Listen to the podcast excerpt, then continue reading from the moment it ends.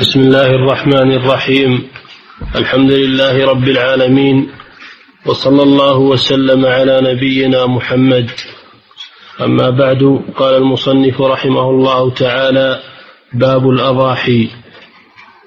بسم الله الرحمن الرحيم. الحمد لله رب العالمين. الصلاة والسلام على نبينا محمد وعلى آله وأصحابه ومن اهتدى بهداه تمسك بسنته سار على نهجه إلى يوم الدين. قال رحمه الله باب الأضاحي. لما فرغ من ذكر أحكام الزكاة انتقل إلى باب الأضاحي لأن الذبائح على قسمين. القسم الأول ما ذبح لأجل اللحم. وهذا كما سبق. والقسم الثاني ما يذبح تقربا إلى الله سبحانه وتعالى. وهذا يكون بالأضاحي وبالعقيق وبالهدي وبالعقيقة يعني ثلاثة أنواع. الأضاحي والهدي والعقيقة. والذبح على وجه التقرب عبادة. الذبح على وجه التقرب عبادة. لا يجوز الذبح لغير الله. قال تعالى قل إن صلاتي ونسكي ومحياي ومماتي لله رب العالمين. لا شريك له وبذلك أمرت وأنا أول المسلمين. والنسك هو الذبيحة. فكما أن الصلاة لا تكون إلا لله فإن ذبح الذبيحة على وجه التقرب والعبادة لا يكون إلا لله سبحانه وتعالى. قال تعالى فصل لربك وانحر.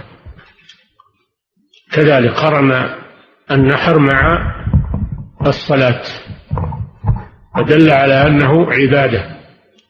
لا يجوز أن يذبح لغير الله. وكانوا في الجاهلية يذبحون للأصنام والأنصاب يتقربون إليها. و وجاءت الشريعة الإسلامية بتحريم ذلك وأنه شرك مثل الآيتين السابقتين ومثل لما ذكر الله محرمات قال وما أهل به لغير الله. ما أهل به لغير الله أي ما ذبح تقربا إلى غير الله من الأصنام والجن والشياطين وغير ذلك والقبور والأضرحة كل هذا مما أهل به لغير الله. كما يذبح للقبور عند الأضرحة تقربا إلى الأموات هذا شرك أكبر يخرج من الملة لأنه عبادة لغير الله سبحانه وتعالى. والله جل وعلا يقول فصل وصل فصل لربك وانحر ويقول قل إن صلاتي ونسكي ومحياي ومماتي لله رب العالمين لا شريك له. وفي السنة من حديث علي رضي الله عنه أن النبي صلى الله عليه أنه حفظ من النبي صلى الله عليه وسلم أربع كلمات. الأولى لعن الله من ذبح لغير الله. دعاء دعا عليه باللعنة وهي الإبعاد من رحمة الله. وذبح لغير الله يعني تقرب لغير الله بالذبح. أيا كان المذبوح له. سواء كان صنما أو قبرا أو الذبح للجن اتقاء شر شرهم أو الذبح للعلاج مثل اللي يذبحون عند المشعوذين لأجل الشفاء ويتقربون بذلك إلى الشياطين وإلى الجن. كل ذلك شرك بالله عز وجل. فما ذبح على غير اسم الله هذا شرك. كما كما يذبح باسم المسيح أو باسم الحسين أو باسم فلان أو فلان من أصحاب القبور هذا شرك. وكذلك ما سمي الله عليه ولكن النية نية الذابح التقرب إلى غير الله حتى ولو سمى الله. هذا شرك أكبر. ولو كان ذكر اسم الله العبرة بالنية والقصد فيكون شركا بالله عز وجل ويكون مما أهل به لغير الله. ومن الأول قوله ولا تأكلوا مما لم يذكر اسم الله عليه ما ذبح وسمي عليه غير الله جل وعلا كالمسيح وغيره فإنه شرك. وهذه الذبيحة ميتة حرام لا تجوز. لأنها ذبيحة شركية لا مما أهل به لغير الله. أما الذبح لغير أما الذبح لله جل وعلا فهذا عبادة. ومنه ذبح الأضاحي. الأضاحي جمع أضحية. بضم الهمزة ويجوز كسرها إضحية ويجوز ضحية. فالأضاحي هي ما يذبح في يوم النحر وأيام التشريق ما يذبح في البيوت ما يذبحه المسلمون في بيوتهم تقربا إلى الله جل وعلا في أيام العيد عيد الأضحى وأيام التشريق تقربا إلى الله جل وعلا وإظهارا للفرح والسرور وتوسعا في أكل اللحوم في هذه الأيام. هذه هي الأضاحي وهي سنة مؤكدة سنة مؤكدة وبعض العلماء كأبي حنيفة يرى وجوبها ولكن الجمهور على أنها سنة مؤكدة. من تركها فلا حرج عليه ومن فعلها فله أجر عظيم لأنها شعيرة من شعائر الإسلام وعبادة لله عز وجل في هذا اليوم فلا ينبغي تركها. لمن يقدر لمن يقدر عليها. ليقيم الشعيرة. وأصلها الاقتداء بالخليل عليه الصلاة والسلام بإبراهيم. لما أمره الله بذبح ابنه فامتثل أمر ربه. الله جل وعلا نسخ الأمر بذبح إسماعيل نسخه بذبح الأضحية وفديناه بذبح عظيم. فذبح الأضاحي اقتداء بإبراهيم عليه الصلاة والسلام وإحياء لسنة الخليل. عليه الصلاة والسلام. والأضحية تذبح في البيت عند العائلة وعند أهل البيت هذا هو المقصود منها. أما الذين يذهب يرسلون نقود وتذبح في مكان آخر ما هو المقصود اللحم فقط مقصود العبادة ومكان العبادة في البيت في البلد. ما تغير ما تغير شعائر الإسلام وتغير العبادات. وتروح دراهم يشرى في بلد بعيد وتذبح فيه هذا خلاف السنة. ولا يتأتى به الغرض المطلوب. والذي يريد ينفع الفقراء وينفع المساكين يصدق عليهم. ولا يغير العبادة. العبادة يمشيها على ما هي عليه. كما كما شرعها الله جل وعلا. وأما إذا أراد أنه ينفع الفقراء والمساكين في البلاد الأخرى من المسلمين فيبعث إليهم بالتبرعات الصدقات أما أنه يغير العبادة ويفعل هذا الفعل فهذا أمر لا يجوز. وإن تساهل فيه بعض الناس أو أفتى به بعض الناس هذا ما تصير أضحية تصير صدقة. تصير صدقة. كأنك روحت لهم لحم. بدل ما تروح لهم اللحم روح لهم نقود أو ثياب أو طعام. باب الصدقة مفتوح.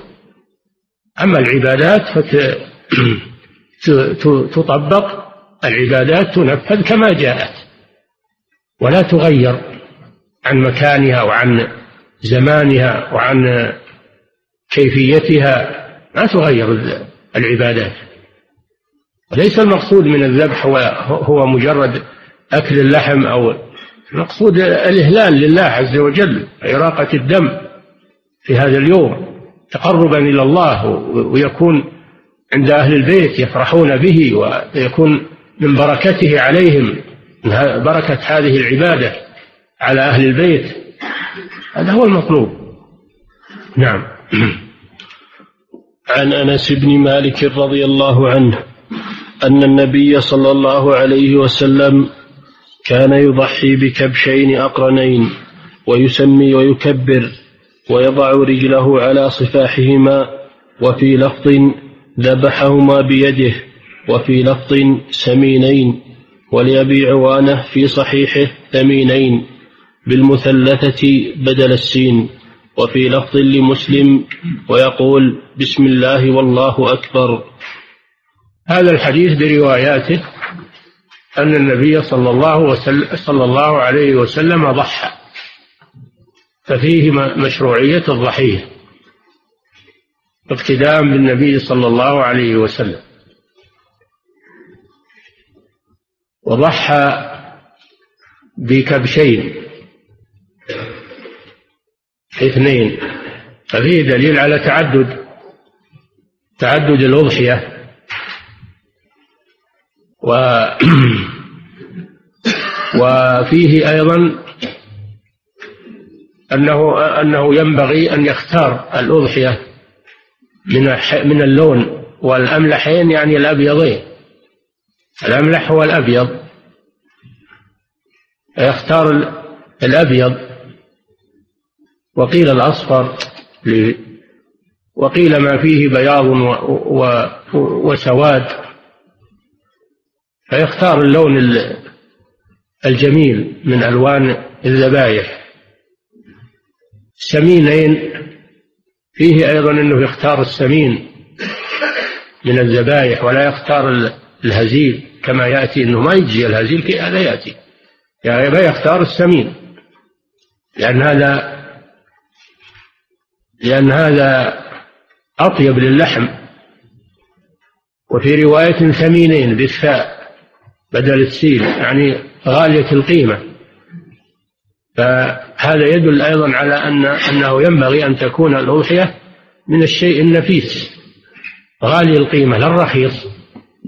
لأنها تقرب إلى الله جل وعلا. فيتقرب الإنسان بأحسن ما يجد لونا وقيمة. وسمنا ولا يتقرب بالدنيء بل يتقرب إلى الله بأجود ما يجد هذا أفضل هذا الأفضل ولا يتيمم الخبيث يعني الردي منه تنفقون فيخرج لله أنفس ما يجد وأثمن ما يجد هذا أفضل وأحسن سمينين وسمينين بالروايتين فيختار السمين ويختار العالي القيمة لأن هذا أعظم للأجر وأكمل للثواب. وفيه أن أن أن أن المضحي ينبغي أو يستحب أن يتولى ذبح الأضحية بيده لأنه صلى الله عليه وسلم ذبح أضحيته بيده. لأن هذا أكمل أكمل في الأجر. وإن وكل من يذبحها فلا بأس ويأتي هذا. لكن الأفضل أن يباشر ذلك بنفسه لأن هذه عبادة. وكونه يباشرها بنفسه أفضل. ووضع رجله على صفاحهما. صفاحهما أي صفحة العنق جانب العنق. لأن هذا أضبط للذبيحة. عن الاضطراب فيضبطها بذلك حتى لا تضطرب عند عند الزكاة.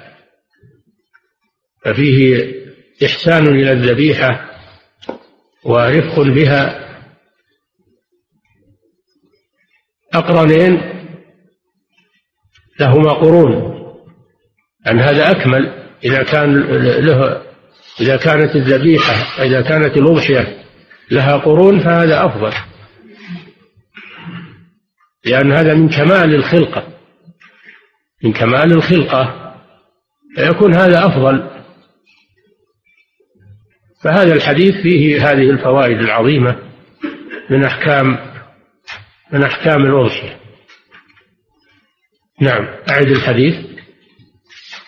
وعن أنس بن مالك أن النبي صلى الله عليه وسلم كان يضحي بكبشين أقرنين. كبشين هذا فيه تعدد الأضحية.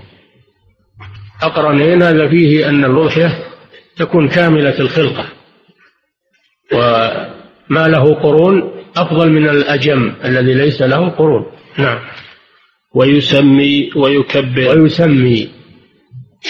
هذا من أحكام الذبيحة. أضحية أو غير أضحية؟ لا بد من التسمية عند الذبح. فيقول بسم الله هذا واجب والتكبير سنة. تكبير سنة. نعم. ويضع رجله على صفاحهما. هذا من إحسان الذبح. يضبط الذبيحة لئلا تضطرب وتتألم. فيضع رجله على على صفاء يعني على سطحة العنق أي جانب العنق. لأن هذا أسهل عليه هو في الذبح وأسهل للذبيحة. نعم. وفي لفظ وفي لفظ ذبحهما بيده. وهذا يدل على أنه الأفضل أن يباشر ذبح الأضحية بيده اقتداء بالنبي صلى الله عليه وسلم. نعم. وفي لفظ سمينين. ثمينين هذا أيضا يدل على اختيار على اختيار الأضحية من النوع الجيد في السمن وفي ارتفاع ثمنها. لأن هذا أعظم أجرا وهذا يدل على الرغبة فيما عند الله. إذا اختار السمينة التي قيمتها مرتفعة هذا دليل على على رغبته في الخير وإيثاره للخير على حب الدراهم والبخل يجود بماله لله عز وجل. نعم. وليبي عوانه في صحيحه. ثمينين بالمثلثة بدل السين. بالمثلثة بدل السين هذا من كلام الراوي مدرج من, من كلام الراوي وليس من أصل الحديث. نعم. وفي لفظ لمسلم ويقول بسم الله والله أكبر. نعم بسم الله هذا واجب. فكلوا مما ذكر اسم الله عليه ولا تأكلوا مما لم يذكر اسم الله عليه. التسمية على الذبيحة واجب. الأضحية وغيرها. وأما التكبير فإنه سنة ولتكبروا الله على ما هداكم. فاذكروا اسم الله عليها صواب. نعم. ويذكر اسم الله في أيام معلومات على ما رزقهم من بهيمة الأنعام. نعم. وله من حديث عائشة رضي الله عنها أي لمسلم. وله أي لمسلم. نعم. أمر بكبش أقرن. يطأ في سواد ويبرك في سواد وينظر في سواد. فأتي به ليضحي به. فقال لها يا عائشة هلم المدية. ثم قال اشحذيها بحجر. ففعلت. ثم أخذها وأخذه فأضجعه. ثم ذبحه ثم قال بسم الله. اللهم تقبل من محمد وآل محمد ومن أمة محمد ثم ضحى به. نعم هذا هذا الحديث فيه أنه أتي بكبش ينظر في سواد يعني حول عينيه سواد حول حول عينيه سواد ويبرك في سواد يعني أن يعني أن بطنه أسود. من اللون الأسود ويمشي في سواد يعني أن أن رجليه أو أرجله سود. فهذا فيه أيضا اختيار هذا اللون أن يكون أسود الرجلين وأسود ما حول العينين وأسود البطن. اختيار هذا اللون أيضا. ثم إنه طلب من عائشة رضي الله عنها إحضار المدية وهي السكين. إحضار المدية وهي السكين. قال لها اشحذيها لأجل أن تكون حادة. فشحذتها بحجر حتى صارت حادة. هذا فيه هذا فيه تعهد الآلة التي يذبح بها قبل أن يذبح. ويصلحها إذا كانت كالة لتكون حادة تقطع بسرعة وتريح الذبيحة ولا يذبح بآلة كالة. وقد قال صلى الله عليه وسلم وليحد أحدكم شفرته وليريح ذبيحته. وأمر أن تحد الشفار وتوارى عن البهايم فهذا فيه العناية بالآلة التي يذبح بها. أن تكون آلة حادة سريعة القطع. وفيه أن الذي يذبح الأضحية يستعين بغيره يستعين بغيره. قد استعان النبي صلى الله عليه وسلم بعائشة في ذلك. وفيه ما سبق أن أنه يباشر ذبح الأضحية أن الشخص يباشر ذبح أضحيته. هذا أفضل من أنه يوكل غيره. وقوله عن محمد وآل محمد وأمة محمد. هذا فيه دليل على أن الأضحية الواحدة تكفي حسب النية تكفي حسب النية عما النواة عما النواة تكفي أن أكثر من واحد. النبي صلى الله عليه وسلم نوى هذه الأضحية عن نفسه. قال عن محمد وعن آل محمد وهم قرابته عليه الصلاة والسلام وعن أمة محمد هذا عموم. فدل على أن الأضحية إذا تبرع بها الإنسان فإنها تكفي عمن نوى قليلا كان أو كثيرا. هذا في هذا في الغنم هذا في الغنم. تكفي الشاة الواحدة عن عن المضحي وعن أهل بيته وعمن نوى من غيرهم إذا كانت تبرعا منه. وفيه دليل على مشروعية الأضحية عن الأموات لأن آل محمد وأمة محمد يدخل فيهم الأحياء والأموات. عام اللفظ عام. ففيه دليل على مشروعية الأضحية عن الأموات ولأنها فيها أجر عظيم والأجر يهدى للأموات وهو من الصدقة هو من الصدقة والصدقة تنفع الميت إذا مات ابن آدم انقطع عمله إلا من ثلاث صدقة جارية أو علم فالصدقة تنفع الميت والذي سأل النبي صلى الله عليه وسلم هل يتصدق عن أمه؟ فقال تصدق وهي ميتة. الصدقة تنفع الميت ومنها الأضحية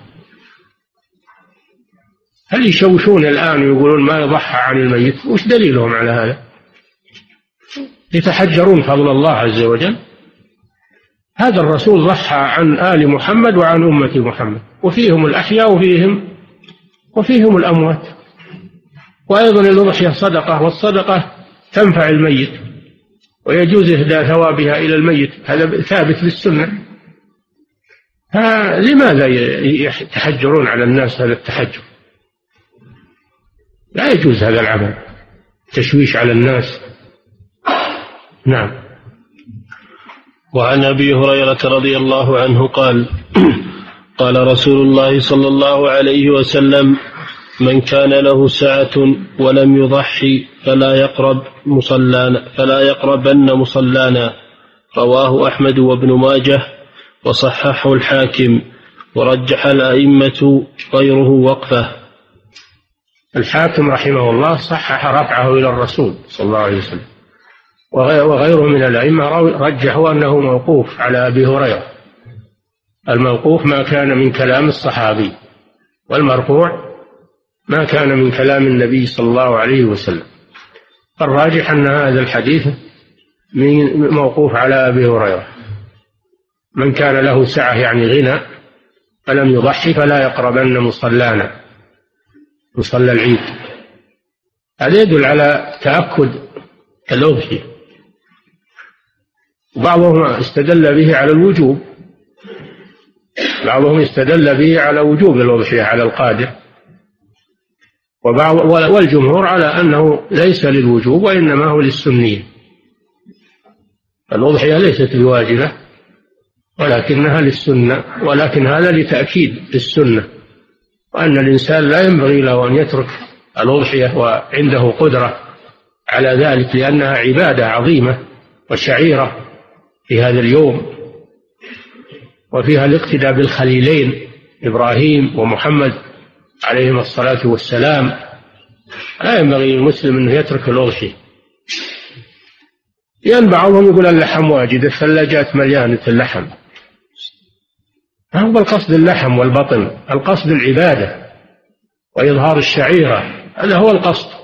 أما اللحم فهو تابع. اللحم تابع. ما هو بالقصد اللحم فقط. القصد في الأصل هو العبادة. وعمل الشعيرة في هذا اليوم والاقتداء بالأنبياء. ولو كانت الثلاجات مليانة اللحم هو القصد اللحم فقط. نعم. وعن جندب بن سفيان رضي الله عنه قال شهدت الأضحى مع رسول الله صلى الله عليه وسلم فلما قضى صلاته بالناس نظر إلى غنم قد ذبحت فقال من ذبح قبل الصلاة فليذبح شاة مكانها ولم ومن لم يكن ذبح فليذبح على اسم الله متفق عليه. هذا الحديث فيه بيان ابتداء وقت ذبح الأضحية. ابتداء وقت ذبح الأضحية. وأنه يبتدي بالفراغ من صلاة العيد. يبتدي بالفراغ من صلاة العيد. فمن ذبح قبل صلاة العيد فليست فلا تكون أضحية. تكون ذبيحة ولا تكون أضحية. فإذا كان قصده الأضحية فإنه يعيد يذبح مكانه. فبداية الوقت من صلاة العيد في البلد. فإن لم يكونوا في بلد كأهل البادية أهل البادية ليس عليهم صلاة عيد ما يصلون العيد. قدر قدر صلاة العيد. إذا ارتفعت الشمس إذا ارتفعت الشمس وصلى أهل المدن صلى أهل المدن وأهل القرى العيد فإن البادية يذبحون. قدرون هذا. هذا شيء واضح ما ما فيه لبس.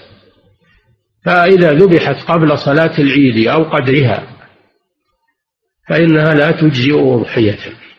فإن كانت واجبة في ذمته وجب عليه أن يعيدها يذبح بدلها كما لو نذر أن يضحي أو كانت وصية لأموات أو كانت معينة عينها هو للأضحية قبل العيد إذا عينها وجبت فالواجب يعيده بعد صلاة العيد. وأما ما كان تبرعا غير واجب فهذا كونه يعيده أحسن يحصل على الأجر. هذه بداية الذبح الأضاحي. وهذا بالإجماع البداية مجمع عليها. ونهاية الذبح اختلف العلماء فيها فقيل يوم العيد فقط. وقيل يوم العيد ويومان بعده. بغروب الشمس في اليوم الثاني عشر ينتهي. هذا عند الحنابلة هو. والقول الثالث يوم العيد وثلاثة أيام بعده. أربعة أيام يوم العيد وأيام التشريق الثلاثة. فينتهي الذبح بغروب الشمس يوم الثالث عشر. وهذا هو الصحيح إن شاء الله. أن أن الذبح ينتهي بغروب الشمس في اليوم الثالث عشر. نهاية أيام التشريق. وبعضهم يقول يستمر الذبح إلى آخر شهر ذي الحجة. ولكن هذا ما هو صحيح. هذا القول ليس صحيح. فأعدل الأقوال وأصحها والله أعلم هو أن الذبح أربعة أيام يوم العيد وثلاثة أيام بعده وهي أيام التشريق. نعم. وعن البراء بن عازب رضي الله عنه قال قام فينا رسول الله صلى الله عليه وسلم فقال أربع لا تجوز في الضحايا العوراء البين عورها والمريضة البين مرضها والعرجاء البين ضلعها ضلع ضلعها. نعم. والكبيرة التي لا تنقي. رواه أحمد والأربعة وصححه الترمذي وابن حبان. نعم. وعن جابر قال قال رسول الله صلى الله عليه وسلم لا تذبحوا إلا مسنة إلا إن تعسر عليكم فتذبحوا جذعة من الضأن. رواه مسلم. نعم. هذه شروط الأضحية شروط الأضحية. يشترط فيها هذه الشروط أن تكون سليمة من هذه من هذه العيوب. أن تكون سليمة من هذه العيوب. الأربعة العور والعرج والمرض و والهزال. أربعة عيوب. فلا تجزئ المريضة العورة البين عورها. والعورة هي عمي إحدى العينين هذه العورة. البين عورها أما إذا كان عورها ليس بينا فلا يضر. وبيان العور العور البين هو انخساف العين. انخساف العين. فإن كانت العين قائمة لم تنخسف فهذه عورها ليس بينا. اللي يشوفه حسبه أنها سليمة. ما هو بين عورها لكن المنخسفة العين كل من شافها قال هذه عورة. هذه لا تجزي. هذا معنى قوله البين عورها أي التي من رآها عرف أنها عورة. أن تكون عينها منخسفة. فإن كانت عينها قائمة ولو كانت لا تبصر فلا حرج فيها لأنها ليست بينة العور. ولا المريضة البين مرضها. أما المرض اليسير الذي لا يتبين ولا يظهر عليها فقل من الحيوانات من يسلم من المرض مئة بالمئة. لكن المرض البين التي من رآها من رآها قال هذه مريضة هذه لا تجزي. ولا العرجاء. العرجاء هي التي أصيب إحدى قوائمها فاختل مشيها اختل مشيها. فهذه لا تجزي. إذا كان ضلعها بين لا تطيق المشي مع الصحاح. أما إذا كانت عرجة وتمشي مع الصحاح ولا تخلف عن الصحاح فهذه لا لا مانع من التضحية بها لأن هذا العرج يسير ولأنها تستطيع تمشي مع الصحاح وترعى تذهب إلى المرعى. أما إذا كان ضلعها بين فهذا يعوقها. عن الذهاب إلى المرعى وهذا يسبب لها النقص في في لحمها. هذه العورة البين عورها والمريضة البين مرضها والعرجة البين ضلعها الرابعة الكبيرة المسنة التي لا تنقي. لا تنقي يعني ليس فيها مخ. لا تنقي من النقي النقي بكسر النون وهو المخ ليس فيها مخ. لهزالها هزيلة. إذا كان ليس في فيها مخ فهذه لا تجزي للعيب الذي فيها. هذه العيوب الأربعة التي قام الرسول صلى الله عليه وسلم يعني خطب الرسول صلى الله عليه وسلم بأصحابه وبينها لهم. والعيب الخامس التي التي سقطت ثناياها. إذا كانت ثناياها سقطت من أصلها هذه لا تجزي لأن سقوط الثنايا يعوق الأكل وبالتالي لا تسمن يكون أكلها ضعيف فيؤثر هذا في في سمنها وفي لحمها. أما إن كان الكسر أما إن كانت الثنية منكسرة فقط وليست من وليست منقلعة من الأصل فلا بأس لأن هذا لا يضر في الشاة ولا يعوقها عن الأكل. نعم. أعد الحديث. وعن البراء بن عازب رضي الله عنه قال قام فينا رسول الله صلى الله عليه وسلم فقال أربع لا تجوز في الضحايا العوراء البين عورها نعم. والمريضة البين مرضها. نعم. والعرجاء البين ضلعها نعم. والكبيرة التي لا تنقي. هذه أربعة عيوب نعم. وعن جابر قال قال رسول الله صلى الله عليه وسلم لا تذبحوا إلا مسنة. إلا أن تعسر عليكم فتذبحوا جذعة من الضأن. رواه مسلم. نعم. يشترط أيضا في, في إجزاء الأضحية أن تبلغ السن. أن تبلغ السن بأن تكون ثنية والثني من الإبل ما تم له خمس سنين ومن البقر ما تم له سنتان ومن المعز ما تم له سنة. هذه هي المسنة معناها الثنية. المسنة معناها الثنية التي ظهرت ثنيتها ظهر سنها ثنية. لأن يعني هذا هو أحسن الأسنان في الحيوانات. الثني فلا فلا تجزي فلا تجزي الضحية إلا إذا كانت مسنة يعني ثنية. إن كانت من الإبل لها خمس سنين ولا تجزي إن كانت أقل.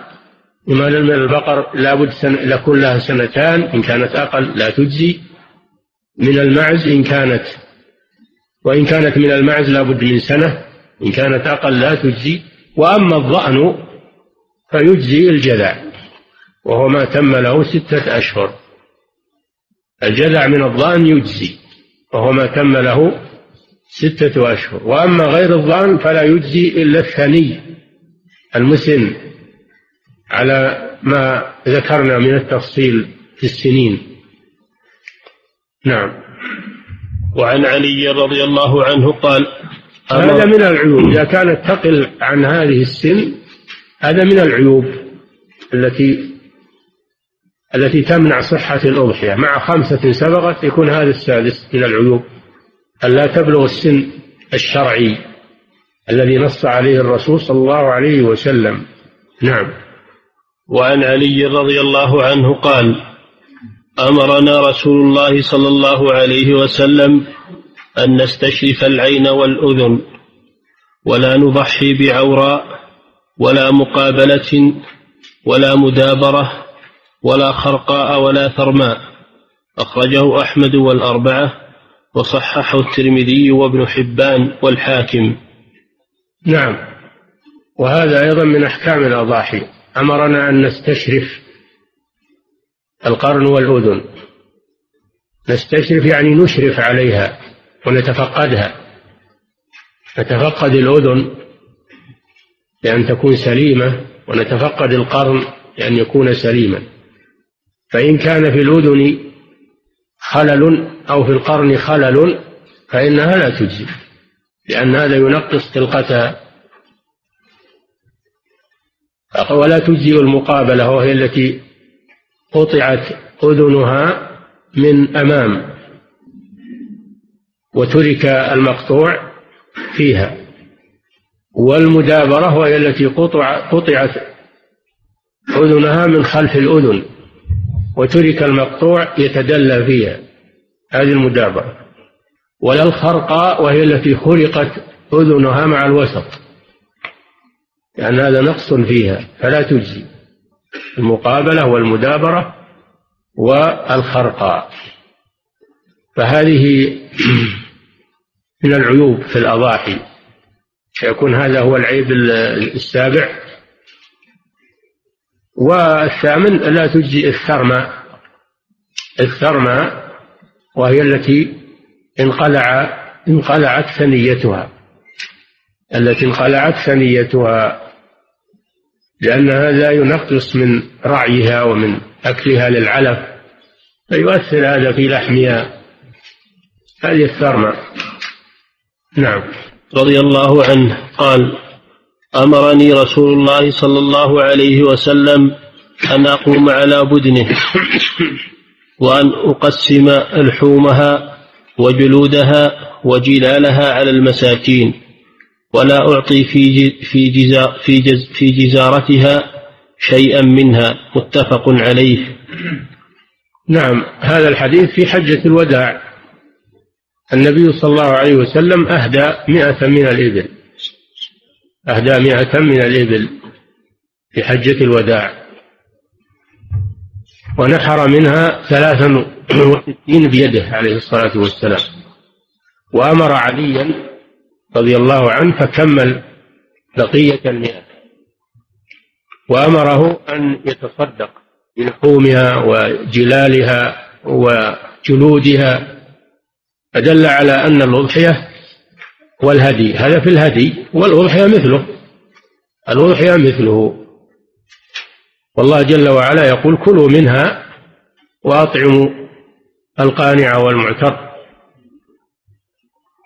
القانع والمعتر. القانع هو الذي يسأل والقانع هو الذي لا يسأل الفقير الذي لا يسأل. هذا هو القانع الفقير الذي لا يسأل. والمعتر هو الفقير الذي يسأل. فيعطى هذا وهذا اللي يسأل واللي ما يسأل من الفقراء. ويأكل منها المهدي والمضحي يأكل منها. هذا سنة. ولو كان عنده لحم بالثلاجة أو عنده أو شبعان يعمل بالسنة يأكل من لحم الهدي ومن لحم من لحم الأضحي. كما كان النبي صلى الله عليه وسلم يفعل. فقد أمر بأخذ بضعة من كل من كل بعير وجمعت وطبخت في قدر وأكل منها صلى الله عليه وسلم. ينبغي أن أن الحجاج في في هديهم يأكلون منه وكذلك المضحين يأكلون من من ضحاياهم عملا بالسنة. ولما في ذلك من الخير والبركة. وفيه جواز التوكيل في في الذبح. الحديث ساقه المصنف لهذا أن المضحي والمهدي يجوز أن يوكل من يذبح هديه ومن يذبح أضحيته لأن النبي صلى الله عليه وسلم وكل عليا وتوكيله أيضا في توزيع اللحوم. وفيه دليل على أن جلد الأضحية حكمه حكم اللحم لا يباع وإنما ينتفع به هو أو يعطيه لمن؟ ينتفع به وكذلك أجلتها التي عليها وهي جمع جلال وهو ما تغطى به البهيمة عن المطر وعن البرد ما تغطى به. فهذا أيضا لا يباع تابع لها فيتصدق به. ثالثا لا يعطى الجزار أجرته منها. الجزار لا يعطى أجرته من لحوم الأضحية أو من لحوم الهدي وإنما يعطى من غيرها. وإذا كان الجزار فقيرا أو يريد اللحم يعطى من باب الهدية أو من باب الصدقة. أما الأجرة لا لا يعطى أجرته منها. نعم. وعن جابر بن عبد الله قال نحرنا مع رسول الله صلى الله عليه وسلم عام الحديبية البدنة عن سبعة والبقرة عن سبعة. رواه مسلم. نعم. هذا فيه أن الهدي والأضحية يكون من بهيمة الأنعام من الإبل أو البقر أو الغنم. ولكن الشاة تجزي عن واحد في الهدي. الشاة تجزي عن واحد في الهدي وفي الأضحية أيضا. والبعير يجزي عن سبعة سبعة أفراد. والبقرة عن سبعة أفراد. فإذا اشترك سبعة في بعير تتوفر فيه الشروط التي سبقت أو اشترك سبعة في بقرة تتوفر فيها الشروط التي سبقت فإنها تجزئ عنهم. تجزئ عنهم هديا أو أضحية. وأما الشاة فإنها تجزئ عن واحد والواحد يشرك فيها من شاء. تجزي عن واحد ما يجتمعون ثلاثة أو أربعة ويذبحون شاة لا هذا ما يجزي يذبحها واحد وإذا أراد أنه يشرك معه في الثواب والأجر لا بأس يشرك معه من شاء. كما ذبح النبي صلى الله عليه وسلم عنه وعن آله وعن أمته فيشرك من شاء. لكن الذبح لا يجزي إلا عن واحد في الشاة. نعم. باب العقيقة. انتهى من النوع الأول من القرابين. انتقل إلى النوع الثاني وهو العقيقة. أما الهدي هذا تقدم في هذا تقدم في الحج وهو النوع الثالث. العقيقة هي الذبيحة التي تذبح عن المولود. الذبيحة التي تذبح عن المولود تقربا إلى الله سبحانه وتعالى وشكرا له على نعمة المولود. أنعم عليه بالمولود ففيها بركة وفيها خير. هذه هي العقيقة. سميت عقيقة من العق وهو القطع ومعناه الذبح لأن الذبح عق يعني قطع للحلق. وقيل سميت عقيقة لأن العقيقة في اللغة شعر الرأس الذي يكون على المولود. حينما يولد يكون على رأسه شعر. هذا يسمونه عقيقة. فيحلق ويذبح عنه. فسميت الذبيحة عقيقة. من من العقيقة التي على المولود على على رأسه حين ما يولد لأنه يحلق في يوم السابع وتذبح العقيقة عنه. فلما كانت العقيقة مقارنة لما كانت الذبيحة مقارنة لإزالة العقيقة عن عن رأسه سميت الذبيحة عقيقة. وهي سنة مؤكدة. العقيقة سنة مؤكدة عن المولود عن الغلام يعني عن الذكر شاتان وعن الجارية شاة واحدة لأن الأنثى على النصف من الذكر في العقيقة وفي الميراث في الشهادة وفي وفي الدية فالمرأة على النصف من الذكر فيها أربع أربعة أحكام في العقيقة وفي الميراث وفي الشهادة وفي الدية على النصف من الذكر. فالغلام عنه شاتان لأن النعمة به أكثر. ليس الذكر كالأنثى النعمة بالذكر أكثر من النعمة بالأنثى. لذلك يكون عنه شاتان شكرا لله عز وجل. وفي الأنثى واحدة لأن الأنثى أيضا نعمة من الله عز وجل. ففيها شاة واحدة. ووقت ذبحها في اليوم السابع يجوز أن تذبح في أي وقت لكن المستحب أن يذبحها في اليوم السابع. فإن فات السابع ففي اليوم الرابع عشر. فإن فات اليوم الرابع عشر ففي اليوم الواحد والعشرين. يعني في الأسبوع الأول أو في الأسبوع الثاني أو في الأسبوع الثالث. فإن فات تساوت الأيام. يذبحها متى شاء. المهم أنه يذبحها. ولا ينبغي أنه يترك العقيقة.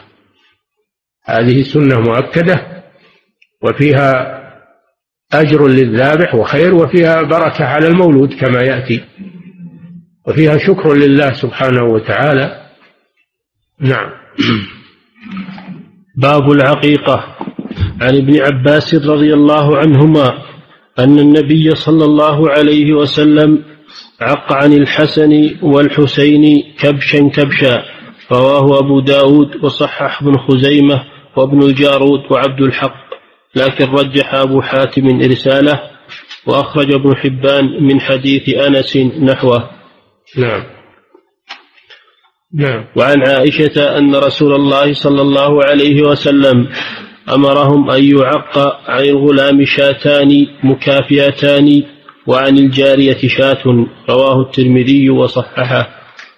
نعم. وهذا هذا هذان الحديثان فيهما مشروعية العقيقة عن المولود وأن النبي صلى الله عليه وسلم عقى عن الحسن والحسين ابني علي رضي الله عنها ابني علي رضي الله عنه وابني فاطمة بنت الرسول صلى الله عليه وسلم ورضي عنها عق عنهما الرسول صلى الله عليه وسلم لأنه والد لهما هما من ذريته عليه الصلاة والسلام. فعق عنهما. لكن الحديث المرسل أنه عق عن عن عنهما شاة شاة والحديث الآخر الذي هو أصح منه أنه أمر أن يعق عن الغلام شاتين وعن الجارية شاة وهذا هو السنة. ولو اقتصر على شاة شاة عن الذكر والأنثى أجزأ ذلك. هذا أقل شيء. ولكن الأفضل أن أن يعق عن الغلام شاتين. هذا هو الأفضل. ولو اقتصر على واحدة أجزأ هذا. نعم. وعن عائشة أن رسول الله صلى الله عليه وسلم أمرهم أن يعق عن الغلام شاتان مكافئتان وعن الجارية شاة مكافئتان يعني متشابهتان في السن وفي وفي الجودة وفي ما يكون واحد ناقص عن الآخر أو يكون واحد أصغر من الآخر. أو يكون واحد آه، فيه فيه عيب والآخر سليم لا. يكون الشاتان عن الذكر متشابهتان في جميع الصفات ولا يكون أحدهما أنقص من الآخر. نعم. وأخرج أحمد والأربعة عن أم كرز الكعبية نحوه. نعم. أنه عن الغلام شاتان وعن الجارية. شاة واحدة. نعم. وعن سمرة رضي الله عنه أن رسول الله صلى الله عليه وسلم قال كل غلام مرتهن بعقيقته تذبح عنه يوم سابعه ويحلق ويسمى. رواه أحمد والأربعة وصححه الترمذي. نعم. وهذا الحديث فيه أحكام المولود التي تجب على والده. وقد كتب الإمام ابن القيم رحمه الله كتابا سماه تحفة تحفة المولود في أحكام المولود. فصل فيه هذه الأحكام بينها. ينبغي مراجعته لأنه كتاب قيم في هذه في هذا الباب. ومن ذلك هذا الحديث أن النبي صلى الله عليه وسلم حث على العقيقة. وقال كل غلام مرتهن يعني محبوس. محبوس بعقيقتها الحبس الرهن هو الحبس. فهذا مما يؤكد أن أنه تذبح العقيقة عن المولود ولا تترك لأجل يفك رهنه. فإن لم يذبح عنه بقي مرهونا يعني محبوسا. فهذا مما يؤكد وبعض العلماء يقول يجب. بعض العلماء يقول يجب لكن الجمهور على أن هذا من باب الاستحباب والحث لا من باب الإيجاب. ومعنى مرتهن محبوس محبوس عن أي شيء؟ اختلف العلماء في تفسيره. فالقول الأول أن أن أن معنى مرهون أن العقيقة لازمة مثل ما يلزم الرهن للمدين. إذا كان المدين قد رهن رهنا فإنه لا ينفك الرهن إلا إذا أدى الدين. فكذلك الغلام مرهون ولا ينفك رهنه إلا إذا أدى هذا الدين وهو العقيقة. وإلا فإنه يبقى مرهونا.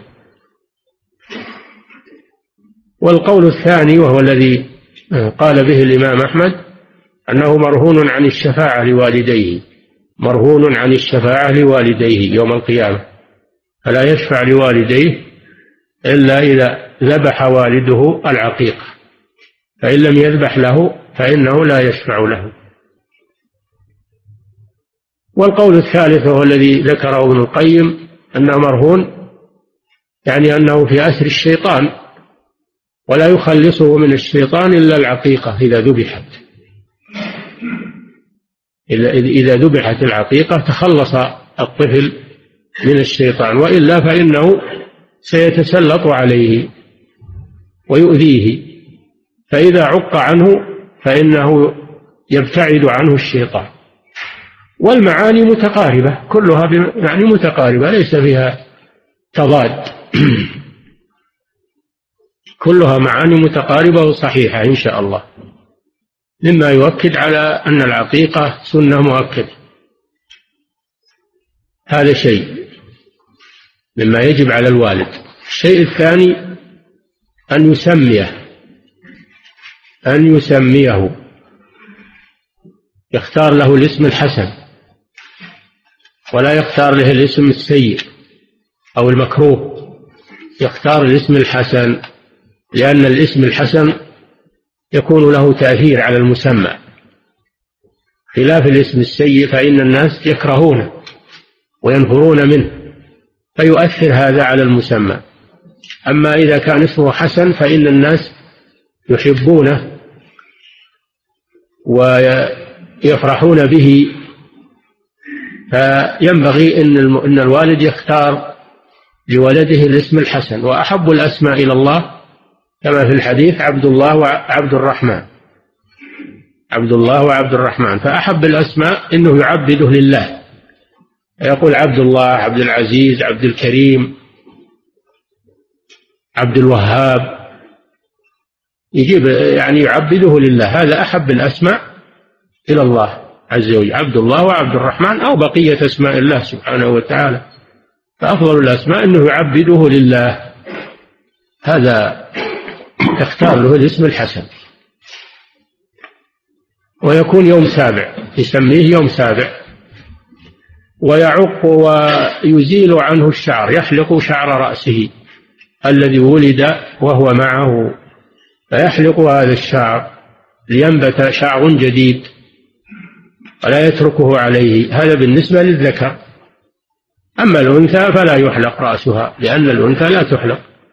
إنما الذي يحلق رأس الذكر. نعم. كتاب الأيمان والنذور. يكفي. نقف عند هذا فضيلة الشيخ ما هو الأفضل؟ أن نعم. نعم. ما هو الأفضل؟ أن يضحي المسلم بأضحية واحدة كبيرة أو ككبشين أو اثنين صغيرين وذلك لأن لحمهما يكون أطيب. يختار الأحسن يختار الأحسن يختار كبيرة طيبة لأن كل ما قلت الأضاحي أحسن من كثرة الأضاحي. كل ما قلت فهو أحسن. ما هو بالمقصود التباهي في الأضاحي وكثرة الأضاحي. المقصود إقامة الشعيرة فيختار واحدة جيدة تتوفر فيها الصفات الطيبة وتكفي عن التعدد. نعم. فضيلة الشيخ ما حكم من ضحى ولم يسمي ويكبر؟ إن كان ناسيا التسمية فضحيته صحيحة. كما لو نسي على الذبيحة؟ كما مر بكم؟ إن المسلم إذا نسي أن يسمي فذبيحته حلال سواء كانت أضحية أو غير أضحية نعم. فضيلة الشيخ ما هو ضابط معرفة العيوب في الأضحية؟ هذه سمعت. ضابطها أن تكون بينة يراها الناس. أن تكون بينة يراها الناس. وتؤثر في اللحم أيضا. تؤثر في اللحم رداءة. نعم.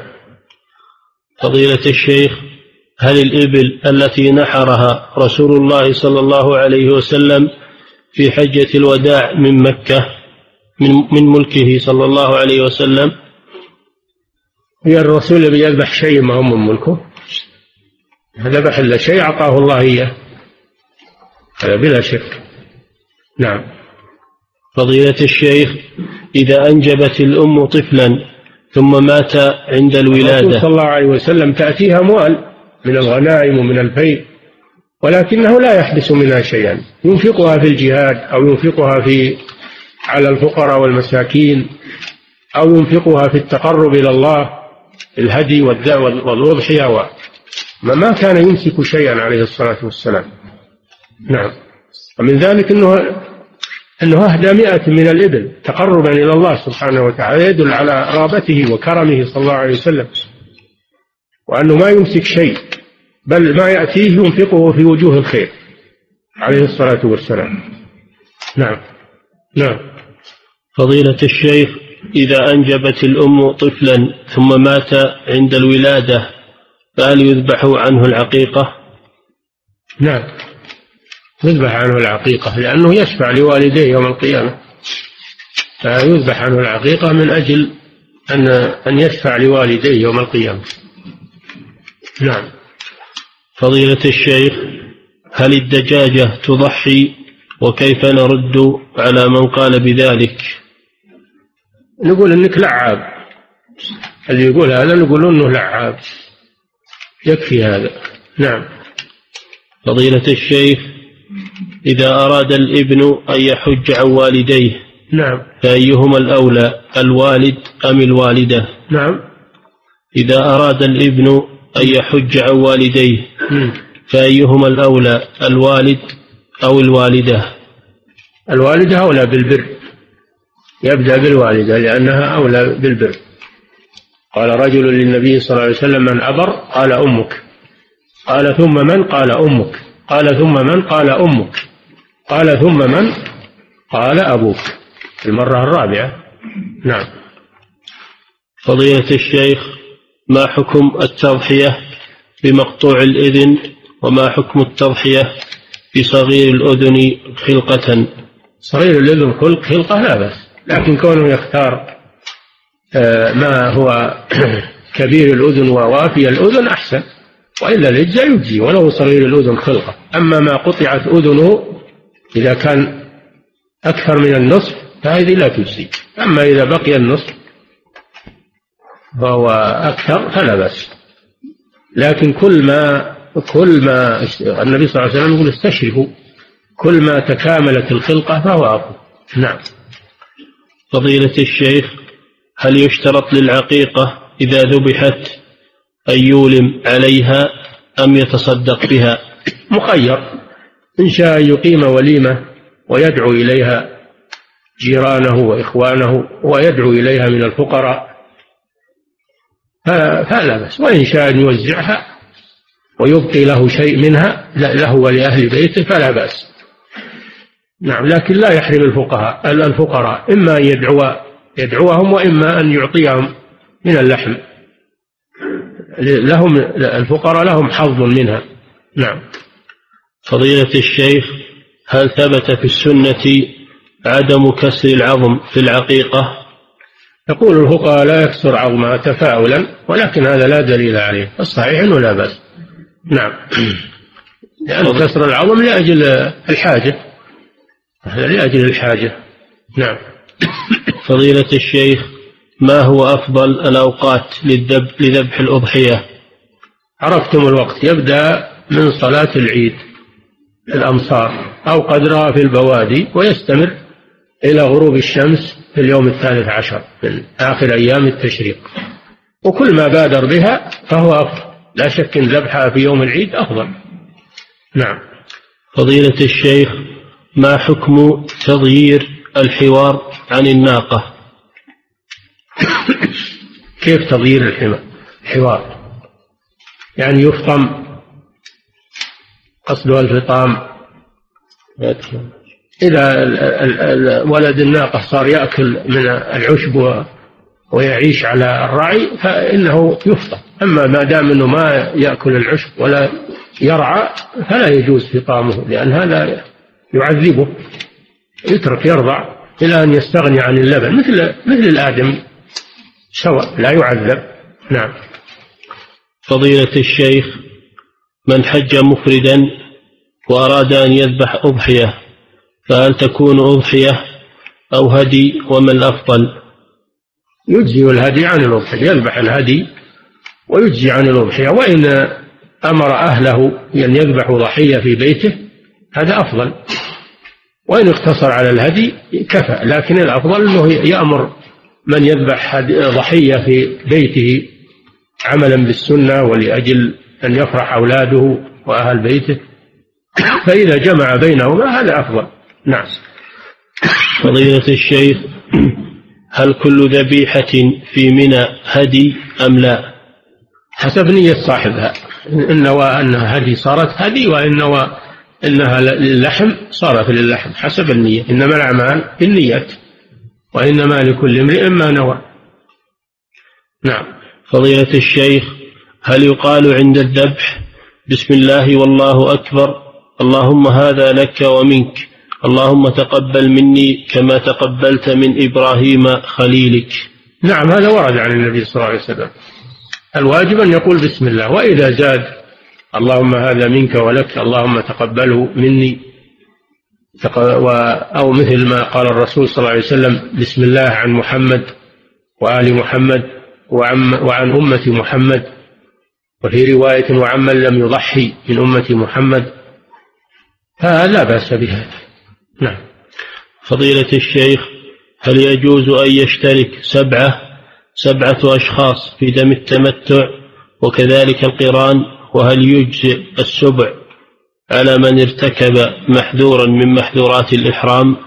نعم السبع يجزي عن هدي التمتع ويجزي عن هدي الجبران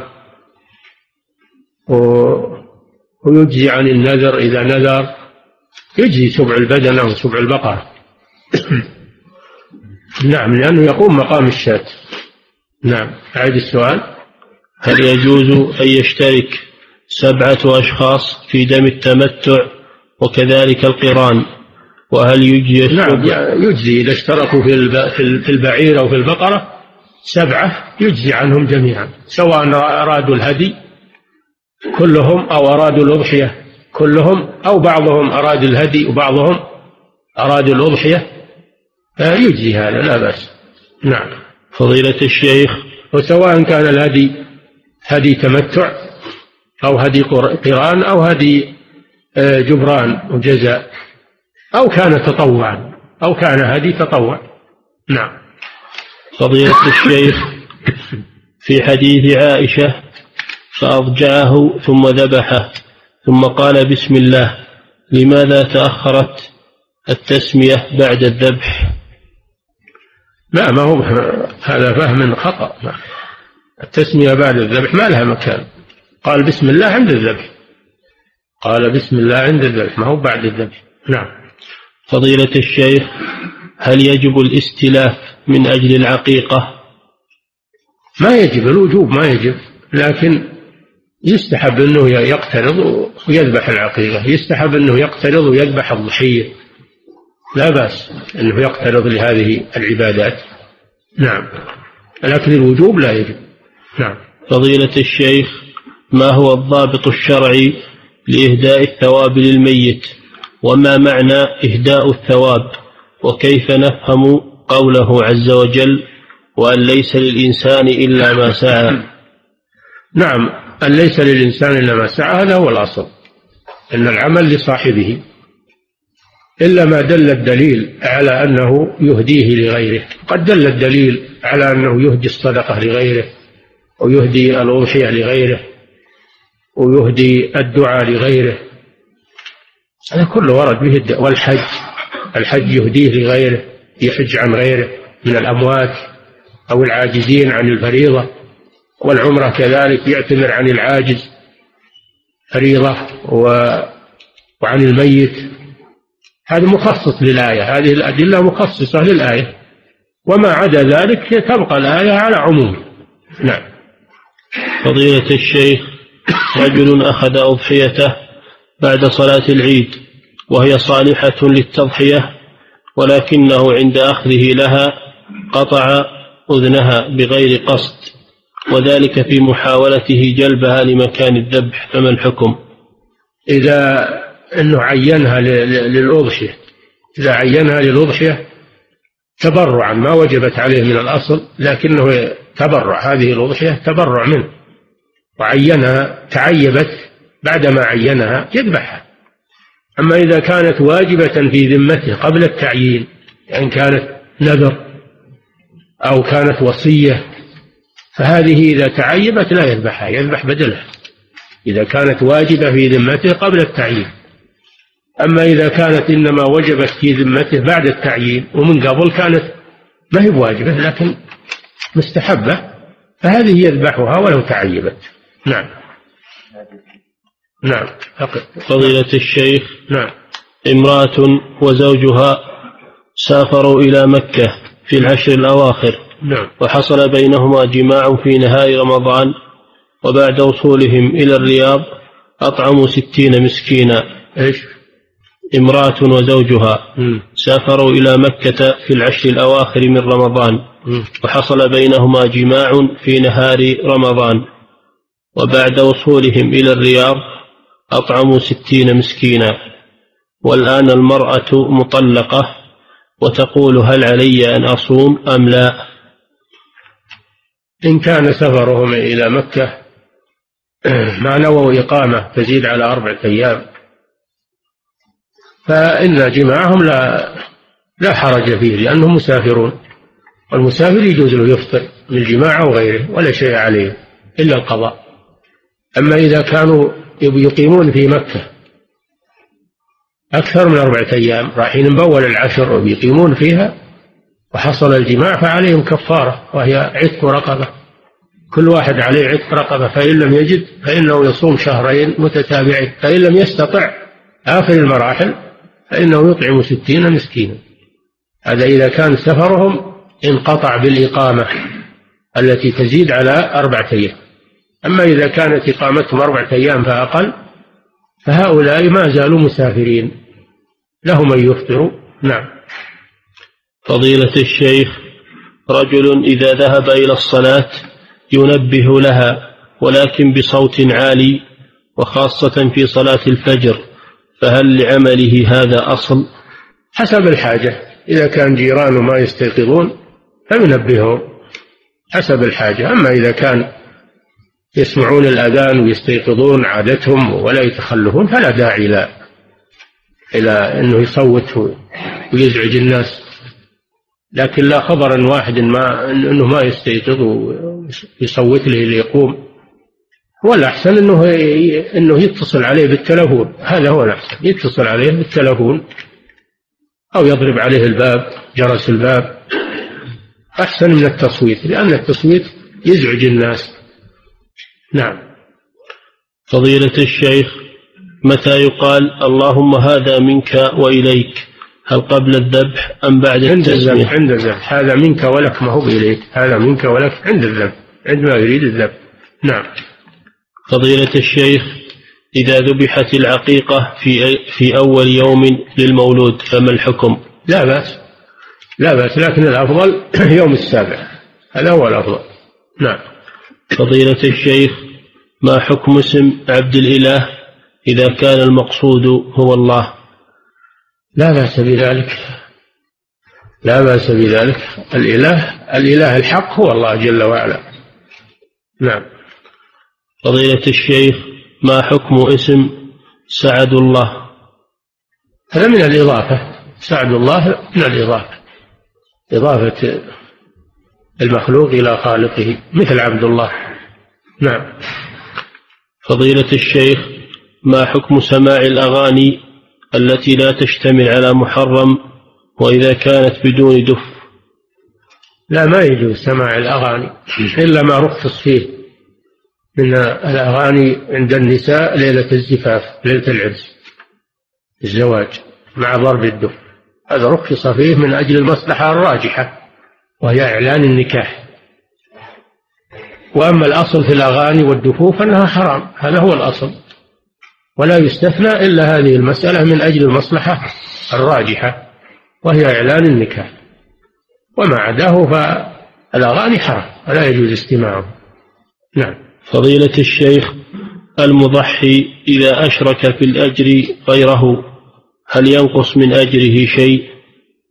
لا ينقص من أجره شيء. بل, بل هذا فيه بل هذا فيه إرادة الخير للناس و وفيه أجر عظيم لأنك تنفع نفسك وتنفع غيرك. هذا طيب. نعم. فضيلة الشيخ هل يجوز اشتراك أفراد الأسرة مثل الأب والابن والبنت في شراء الأضحية وذلك لعدم القدرة على شراء الأضحية لأي واحد منهم بمفرده؟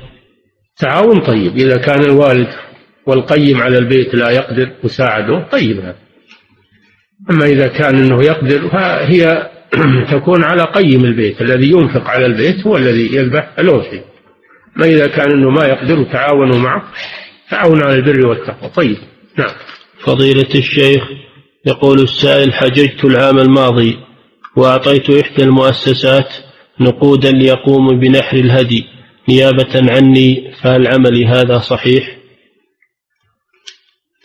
التوكيل يجوز إذا وثقت من الموكل أو من الوكيل إذا وثقت أنه يقوم بالعمل فإذا وكلت شخصا تثق به فلا بأس كما وكل النبي صلى الله عليه وسلم عليا أو دفعت إلى المكاتب المعتمدة للهدي والأضاحي. للهدي ولا الأضاحي؟ لا تذبح بالبيوت لكن الهدي. هذا له مكاتب لتقبل الدراهم التي يدفعها الحجاج ويوكلوهم في شراء الهدي يذبحونها عنهم في المسلخ ويوزعون لحومها. هذا لا بأس به. أما أي واحد أو أي شركة أو أي هذا يحذروا لأن فيه ناس دجالون يكذبون على الناس يوزعون قسائم يقولون نحن نذبح ونتوكل يأخذون الدراهم ويهربون بها ولا يذبحون شيء. فلا تقدم هذا إلا لأحد أمرين إما شخص تثق به وإما مكتب معتمد من قبل ولاة الأمر وهي المكاتب المفتوحة في في منى تتقبل النقود والتوكيل وتعطيك قسيمة وهم يتولونها هذه. موكلة ومعتمدة من جهة ولي الأمر. وما عدا هاتين الحالتين لا تعطي أحدا. لأن الناس أغلبهم لا يوثق به وأصحاب حيل وكذب. وقد ضبط ناس تحيلون على الناس يقولون نحن مؤسسات نشري ونذبح ويعطونك قسيمة وبعدين هو ما يعرف. لما بحث عنهم ما وجدوا. صاروا محتالين. و... نعم. فضيلة الشيخ من ذبح أثناء خطبة العيد فما الحكم؟